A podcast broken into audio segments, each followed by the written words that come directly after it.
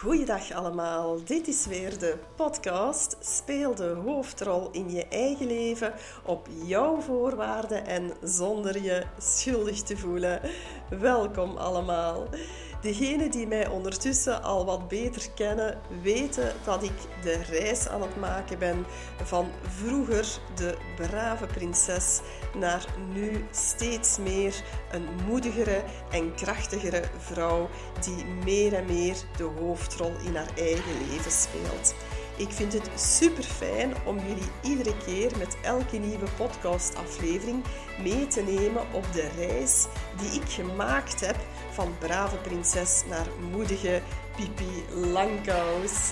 Ik vind het heerlijk om jullie daarin te inspireren en te begeleiden en om jullie deelgenoot te maken van mijn leven en ook hoe het mogelijk is om jullie leven uiteindelijk te gaan transformeren. Vandaag wil ik het heel graag hebben over hoe iedere ja tegen een ander een nee is tegen jezelf. Zoals ik reeds vertelde, was ik vroeger een brave prinses. In die zin dat ik op mijn eerste jobs vaker ja zei dan mij lief was. Als mijn werkgever bijvoorbeeld vroeg van Nathalie, wil je dat eventjes voor mij doen? Ook al was het al vrij laat op de dag, dan zei ik ja hoor. Als mijn werkgever vroeg van kan jij dit eventjes voor mij regelen, ook al was het zelfs al over tijd en had ik eigenlijk al thuis moeten zijn, dan zei ik ja hoor. Eigenlijk, als ik daar nu op terugkijk, zei ik altijd maar ja om mijn werkgever te pleasen. Maar ging ik niet bij mezelf na van wat voel ik nu eigenlijk? Wat wil ik zelf? Wat is mijn gevoel hierover? Wat is mijn gevoel bij deze situatie? Vind ik het eerlijk? Vind ik het normaal dat mijn werkgever mij dit nu nog durft te vragen, wetende bijvoorbeeld dat ik al eerder thuis had moeten zijn? Ik stelde mezelf heel weinig kritische vragen, waardoor ik eigenlijk altijd maar ja zei op alles en iedereen. Mogelijk is dit voor jou ook herkenbaar. Het probleem was dan natuurlijk ook dat ik vaak over stress thuis kwam, omdat ik wat later had moeten werken. Uh, moeten, tussen haakjes natuurlijk. Toen voelde dat alleszins aan als moeten.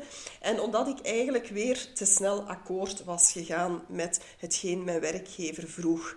Ik ging dus echt niet te raden bij mezelf en ik keek eigenlijk niet naar wat ik wou. Eigenlijk was dat ook wel een beetje een soort van angst Mogelijk is ook dat voor jou herkenbaar. Een angst om niet goed genoeg gevonden te worden. Want dat is natuurlijk altijd een stukje de angst die daarachter zit. Nu weet ik intussen wel beter, maar toen was dat echt wel heel opvallend dat ik altijd veel te snel ja zei tegen alles en iedereen en zeker ook tegen mijn eerste werkgevers. Nu weet ik ondertussen dat ik dat heel makkelijk kan oplossen door mezelf de tijd te geven om ergens over na te denken. Want het is maar gewoon een verhaaltje dat we onszelf vertellen dat we eigenlijk met alles akkoord moeten gaan en dat we eigenlijk ook altijd snel moeten beslissen. Want wie of wat bepaalt dat uiteindelijk? Als iemand mij nu vraagt van oké, okay, uh, Nathalie, wil jij dat nu doen? Uh, sta je daarvoor open? Dan geef ik mezelf al tijd, tijd. Ik koop eigenlijk als het ware tijd. Ik gun mezelf echte tijd om na te denken. Natuurlijk is de ene situatie al wat makkelijker dan de andere situatie, maar ik probeer toch in drie vierde van de gevallen echt tijd te nemen, alvorens ik mijn beslissing neem. En soms zelfs neem ik mezelf voor om er een nachtje over te slapen, omdat je dan, merk ik uit ervaring, echt wel de dag nadien veel betere beslissingen neemt en veel betere keuzes maakt. Ook al gaat het maar over een ja of een nee. Geloof me maar, dit is echt soms veel verstandiger, weet ik nu. Maar ja, goed, het leven is nu eenmaal vallen en opstaan. En zo is dat bij mij ook natuurlijk altijd het geval geweest. Nadien heb ik dan zo mijn eerste echte lange relaties gehad. En ook daar speelde dat patroon gewoon verder door. Want een patroon is natuurlijk iets uh, dat je zelf niet beseft. Uh, tot als je daar natuurlijk naderhand op terugkijkt, dan zie je natuurlijk dat het een patroon was. Maar als je er middenin zit, dan merk je natuurlijk niet dat het een patroon is. Men zegt ook wel eens: When you're in the frame, you don't see the picture. En dat vind ik nog altijd wel een hele goede beschrijving. Toen ik dan in mijn eerste relatie zat, dan vroeg mijn partner bijvoorbeeld van... kan jij nog snel even naar de winkel gaan, want ik ben later thuis? En dan zei ik, ja hoor. Of mijn partner vroeg bijvoorbeeld van, ja, kan jij dan ook snel koken, want ik moet nog naar daar of naar, naar, naar die vergadering of, of noem maar op. En dan zei ik, ja hoor. Dus eigenlijk zei ik op heel veel dingen, ja hoor, gelijk eigenlijk een brave prinses. Vandaar dat ik ook altijd die vergelijking maak met brave prinses. Ook dus in mijn relaties keek ik veel te weinig naar wat ik nodig had. Maar vond ik het blijkbaar belangrijker om te beantwoorden aan de noden en de behoeften van mijn partner. En minder eigenlijk hetgeen wat ik belangrijk vond.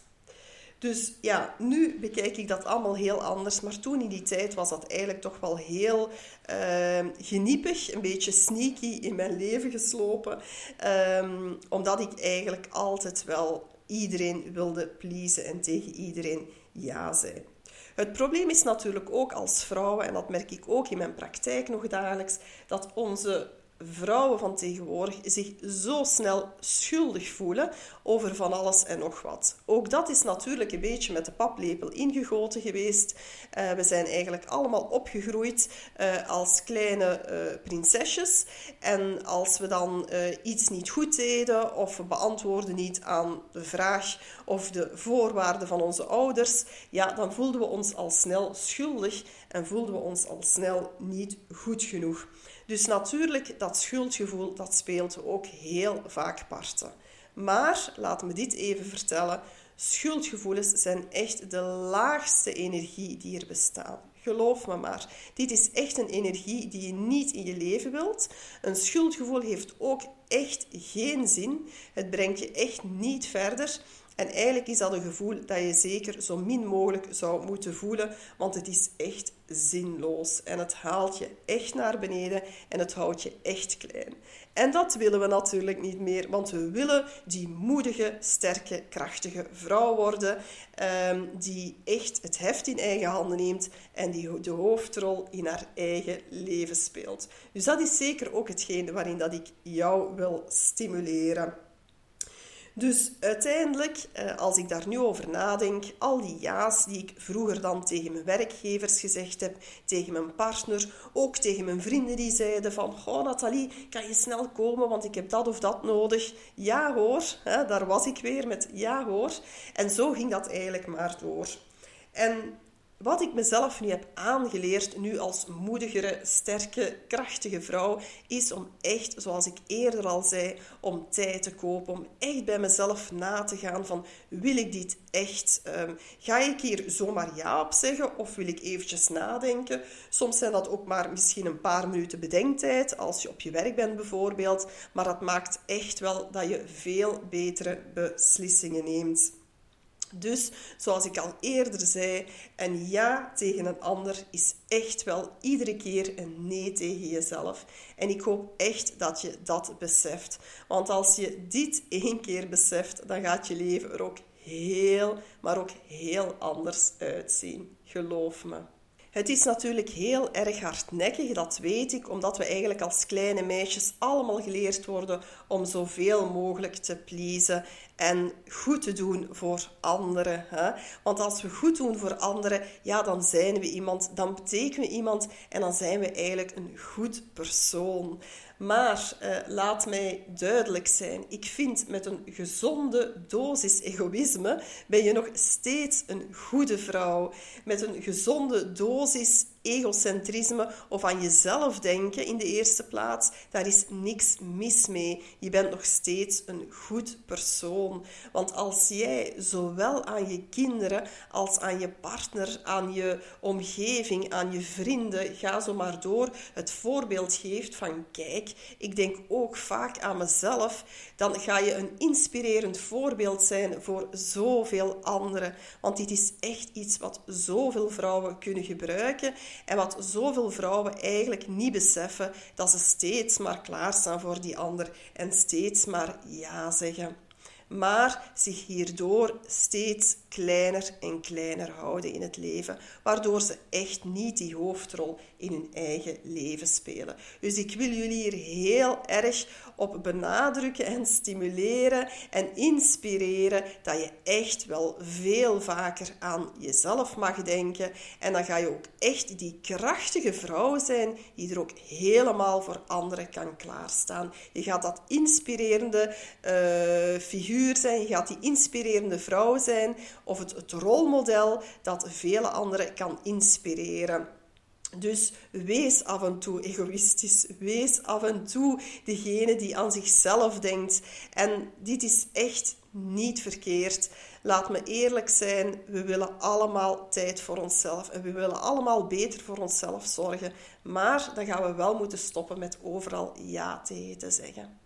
Want die ja betekent die nee tegen jezelf.